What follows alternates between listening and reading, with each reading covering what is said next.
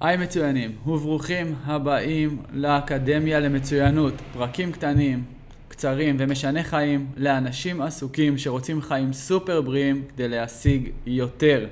איזה כיף להיות כאן היום. היום יש לנו פרק מיוחד כהשלמה או כתוספת לפרק הקודם שעשינו בנושא של איך לחזור לכושר אחרי מנוחה ארוכה. בפרק של היום אנחנו מבינים שכבר חדרי הכושר מתחילים להיפתח, אמנם למי שעשה רק את החיסון השני יכול להיכנס, אבל לאט לאט אני מאמין, ואני מקווה יותר נכון, שעם הזמן יפתחו את זה לכולם. אז בפרק של היום אנחנו הולכים לדבר על איך לחזור לכושר, איך להיכנס לכושר מהר. זה לא באמת מהר, אלא תוך ארבעה שבועות שזה זמן סביר להיכנס לכושר. עכשיו, אנחנו לא מצפים מעצמנו שתוך ארבעה שבועות נהפוך לאתלטים ברמות הכי גבוהות שמתחרים באולימפיאדה, אלא לבנות כושר בסיסי. אז לפני שאני קופץ לפרק, קודם כל יש משפט של בחור בשם ארנולד פלאמר, שהוא היה, כינו אותו בארצות הברית, הוא היה מלך הגולף עוד לפני הימים של טייגר וודס באזור שנות ה-80. והוא אמר דבר כזה, ככל שאני מתאמן יותר, אני נהיה יותר בר מזל. ואיך זה מתחבר אלינו בעצם? כי אחד הדברים שאני מאמין בהם, ובאמת אחד הדברים שביססנו באקדמיה לכושר, שזה בעצם החברה והמועדון שלנו, זה שפעילות גופנית זה מטאפורה לחיים. היא מלמדת אותנו הרבה דברים. היא מלמדת אותנו להתמודד עם אתגרים, להתמודד עם קשיים, להתמודד עם אימונים שפחות הולך ולהתמודד עם כישלונות. משהו שיש לנו גם בחיים עצמם. ואנשים או בן אדם שמביא את עצמו לאימון בתודעה כזאת, אחרי זה החיים נהיה, התנהלות בחיים נהיית, נהיית הרבה יותר קלה. אחד הדברים שאני אוהב לעשות עם המתאמנים שלי, עם האנשים שאני עובד איתם, זה לגוון להם את האימונים, לעשות להם לפעמים אימונים קלים, לפעמים אימונים קשים, אבל מאחורי כל אימון יש איזשהו מסר שאני רוצה להעביר.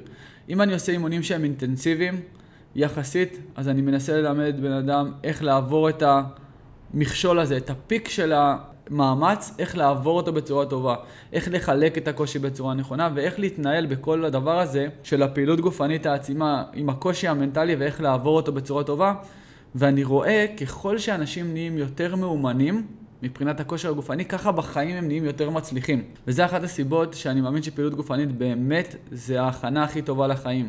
זה אומנם חלק מהחיים, אבל זה מכין אותך לדברים הרבה יותר טובים. ואחת הסיבות גם שאני אוהב להתאמן בבוקר, זה קודם שאתה מנצח את הבוקר, אתה מנצח את כל היום. יש משפט כזה שאומר, ברגע שאתה מנצח את הבוקר, אתה מנצח את כל היום. יש פילוסופיות מאוד מאוד מאוד ארוכות על איך לסדר את המיטה משפיע על ביצועים שלך, הביצועים שלך בעבודה, הביצועים שלך במערכות היחסים, אבל אני לא רוצה לגלוש מהפרק, אנחנו נהיה פרקטיים כרגיל.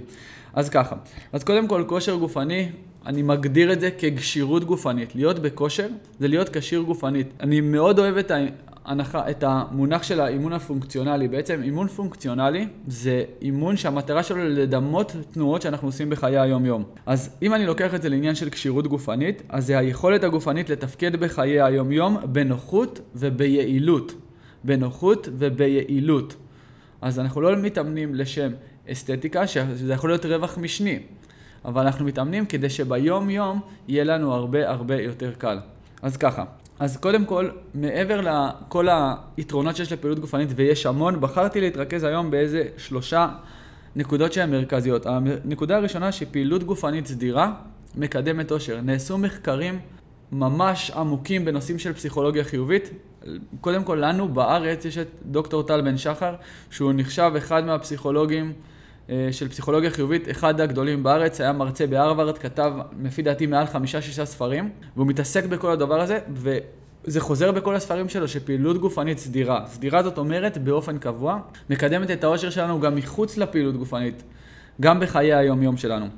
הנקודה השנייה, רוב האנשים מתעסקים בירידה במשקל. עכשיו, אני, אין לי בעיה עם אנשים שרוצים לרדת במשקל שזה בסדר, אבל המטרה היא לא הירידה במשקל, זה סוג של מה שאנחנו רוצים להשיג, אבל הירידה במשקל זה בעצם אומר שיפור בבריאות, זה אומר הורדת הסיכונים למחלות כאלה ואחרות, והדבר השלישי זה הרגשה אנרגטית, אם זה ביטחון עצמי, שזה נלווה לכל הדבר הזה, אבל הירידה במשקל זה איזושהי מטרה שהיא לא ברורה כל כך.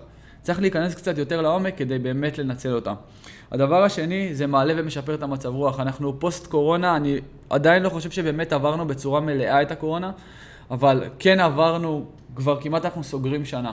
ושמנו לב, עשו מחקרים על אנשים שיהיו הרבה, הרבה זמן שהיו בבית עם הילדים, שהיו מחוץ לפעילות גופנית שהיא סדירה כי היה קשה, גם אין עבודה, או יש עבודה, או הילדים בבית או לא בבית, מאוד היה קשה למצוא להם את המסגרת הזאת, המסגרת המחייבת שהם היו אה, מחויבים אליה פעם.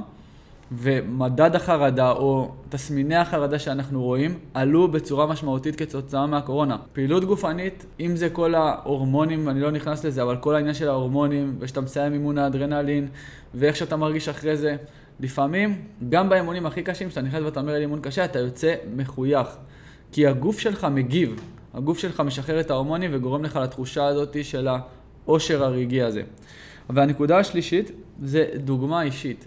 מי שלא מתאמן, מי שיש לו ילדים ולא מתאמן, רוב הסיכויים שהילדים שלו יסתכלו באיזשהו שלב בחיים ויגידו למה אני לא מתאמן, או למה בבית לא התאמנו. אבל מעבר לזה, אנחנו רוצים לחנך את הילדים שלנו לדוגמה האישית הכי גדולה שיכולה להיות לנו בחיים. מה זאת אומרת? הדוגמה האישית, המטרה שלנו, איך, עושים, איך, איך נותנים דוגמה אישית? זו שאלה שהיא יותר פשוטה להבנה. איך נותנים דוגמה אישית? פשוט עושים את זה. כל דבר שאתה רוצה לחנך את הילד שלך, ואני לא איזשהו הורה או מורה לזוגיות, אני עדיין לא אבא, אבל אני כבר מכין את עצמי וכבר חוקר את השטח הזה. אז אני מסתכל גם על אנשים שהשפיעו על החיים שלי, ואני מבין שדוגמה אישית עושים בפעולות, ולא עושים בדיבורים. אפשר לדבר מהיום עד מחר. באנגלית אומרים talk is cheap, לדבר זה זול, אבל לעשות זה קצת יותר מורכב ויותר קשה, אבל ככה זה נכנס ל mindset של הילדים. אז דוגמה אישית גם לבן או בת הזוג, גם לילדים, וגם לכל הסביבה שרואה אותך, רואה אותך בתוך הדבר הזה, מתמודד עם קשיים, ואפילו מלווה אותך, אתם תעשו טובה ענקית. אז קודם כל אני רוצה שנדבר על נושא של מה זה כשירות גופנית. אני רואה את זה, כרגע יש לזה המון ענפים, אבל שלושה ענפים מרכזיים. הראשון זה פעילויות התנגדות, שזה פעילויות אנאירוביות, שזה משקולות, שזה אימונים עם משקל גוף, כל דבר שמהווה בעצם התנגדות וקושי ומכריח אותנו לפתח יכולות, קשרים, שרירים, כדי בעצם להתגבר על ההתנגדות שיש לנו. הנקודה, הענף השני בעצם, זה הענף האנאירובי, סיבולת לב ריאה, ריצה, שחייה, רכיבה על אופניים, you name it, כל דבר שגורם ללב לדפוק בקצב קצת יותר גבוה ועוזר לנו לשפר את יכולת ספיגת החמצן שלנו, זה נכנס בקטגוריה של אימון אירובי. והדבר השלישי, ושרוב הגברים לא נכנסים אליו, אצל נשים זה הרבה יותר פשוט, אבל אצל גברים, העניין של גמישות, היכולת לעבוד עם מפרקים בטווחי תנועה מלאים, לעשות פעולות שלפי דעתי נראות יומיומיות, מאוד מאוד מאוד קשה להמון דברים, כי פשוט לא עובדים על זה. זה יכולת, זה skill שצריך לפתח ולעבוד עליו. אז כשאני רוצה קודם כל להתייחס לאדם שרוצה להיכנס לכושר בטווח קצר, אני רוצה שהוא קודם כל ישים לו בראש שהוא צריך לעבוד בשלושה ענפים. פעילויות התנגדות, פעילות אירובית ולעבוד על הגמישות שלו. אז דבר שהוא סופר חשוב והוא מבחינתי הבסיס לכל דבר, זה הצבת מטרות. אני חושב ששחקו מאוד את המילה התמדה, הצבת מטרות, יעדים, כי פשוט משתמשים בזה כל כך הרבה, אבל אני מאמין שקלישאות נשחקו כי הן אמיתיות, כי אנשים משתמשים בהן וצריכים אותן וצריכים להבין אותן. האמת הכי טהורה, הכי נקייה, היא האמת הפשוטה. אם אנחנו לוקחים את זה לבודהיזם ולמקום הזה, המשפטים לפעמים הם קצרים בבודהיזם ולא מובנים, אבל הם, משפט קצר יכול להכיל בתוכו עולם ומלואו, שברגע שאתה מבין אותו, שהתודעה שלך בשלה, אז הרבה יותר קל ליישם ופתאום נופל לך האסימון. אבל זה לוקח זמן. אז קודם כל, הצבת מטרות. מודל שאני מאוד אוהב לעבוד איתו, וזה מודל, מודל מאוד רווח פה בארץ, נקרא מודל סמארט. סמארט זה בעצם ראשי תיבות, זה S-M-A-R-T, אה, אז אני רוצה להציב מטרות לפי השיטה הזאת. אז קודם כל S זה ספציפי, מטרה ספציפית. איפה אני מתחיל בתחילת הארבעה שבועות האלה? איפה אני רוצה לסיים? זה להציב מטרה ספציפית. התקדמות. אז בעצם בהתקדמות אני רוצה להבין מה אני צריך לעשות כדי להתקדם.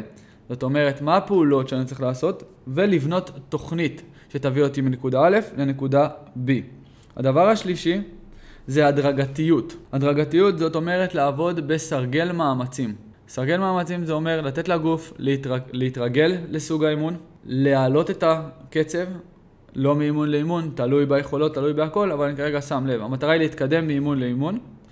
הדבר הרביעי זה התחייבות. ההתחייבות זה להתחייב בפני עצמך, לקחת לך איזה שותף טוב לאימונים, ואם זה לא עובד לך, להתחייב למסגרת שמחייבת אותך, וזה אומר, אם זה אומר גם לשלם כסף כדי להתחייב, זה צריך. הרבה פעמים אני רואה אנשים שרוצים לעשות איזשהו שינוי בחיים, שהם בגילאי 30-40 ומבינים, אוקיי, עד גיל 40 הגוף שלי הביא אותי עד לכאן, מגיל 40 משהו מתחיל לקרות, משהו משתנה בגוף שלי. אז גם הצורה החיצונית משתנה, גם דברים פנימיים משתנים, וצריך לשים לזה לב.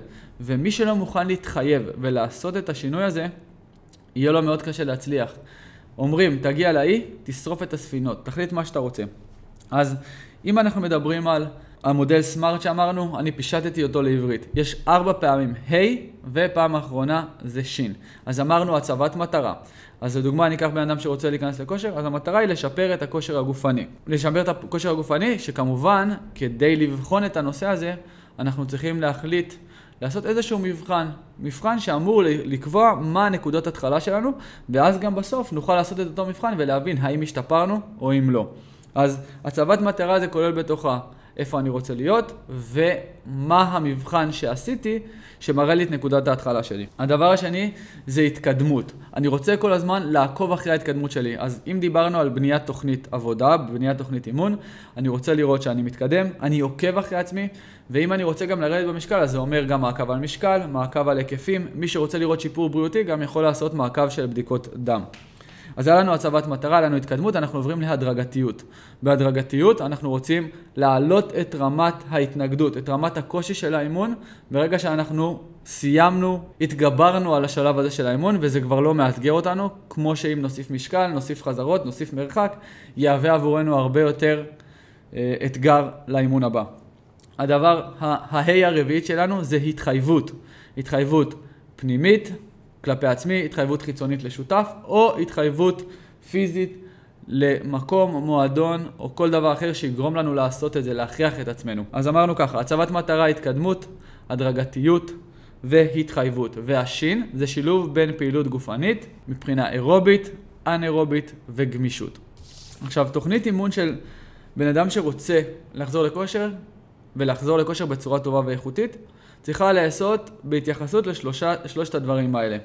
עכשיו, פעילות אירובית אמרנו שזה פעילות מאמץ תת-מרבית במונח המקצועי, שזה אומר שזה בעצם מפעיל קבוצות שרירים גדולות, כמו ריצה לדוגמה, שאני רץ, אני מפעיל שער הרגליים, שרירי הבטן, פלג גוף עליון מאזן אותי, אז זה בעצם מפעיל הרבה שרירים במכה אחת. בשונה מאימונים מחדר כושר, שלרוב שם עובדים על שריר אחד כל פעם, עושים את זה בצורה הדרגתית, שזה לגמרי שונה. וגמישות כמובן, זה בעצם לפתוח את טווחי התנועה, לחזק, להגמיש את המפרקים ולהעריך את השרירים. בואו ניקח לדוגמה אדם בן 40 שלא התאמן בעשר שנה האחרונים ורוצה לחזור לכושר, איך תוכנית האימון שלו תיראה. אז מהראייה שלי ומהשיטה שלנו שבנינו באקדמיה לכושר, אנחנו מאמינים בלעשות קצת כל יום. זה שיטה אחת, אני מציע לעשות בין 10 דקות לרבע שעה כל יום אימון שמפעיל את כל שרירי הגוף וזה נכנס כאימון אנאירובי. היופי שבשיטה שלנו שאנחנו מוסיפים גם את האימון אנאירובי, סליחה, את האימון האירובי תוך כדי האימון. אז אנחנו משלבים בין פעילות אירובית לפעילות אנאירובית ומשלבים הכל ביחד באימון אחד קצר של 15 דקות. אופציה שנייה לבן אדם שרוצה להיכנס לכושר זה לעשות אימוני כוח בנפרד, זאת אומרת אימוני התנגדות בחדר כושר, בבית, לא משנה באמת. אימונים קצרים של עד 20 דקות, 25 דקות, אימונים עם זמני מנוחות מדויקים וברורים, ותוכנית עבודה מסודרת, ולשלב ימים אנאירובים, סליחה, ימים אירובים, לשלב אותם בין לבין. איך זה נראה לדוגמה? ראשון אני אעשה אימון כוח, שלישי אני אעשה אימון אירובי, ובחמישי אני אעשה אימון כוח נוסף. ולאט לאט עם זה אפשר להתקדם, אפשר להוסיף ימים, אפשר להוסיף את זמן האימון, אפשר להוסיף משך האימון, אפשר להוסיף סטים וזמן לאימון. כל אחד לפי היכולות והרצון שלו.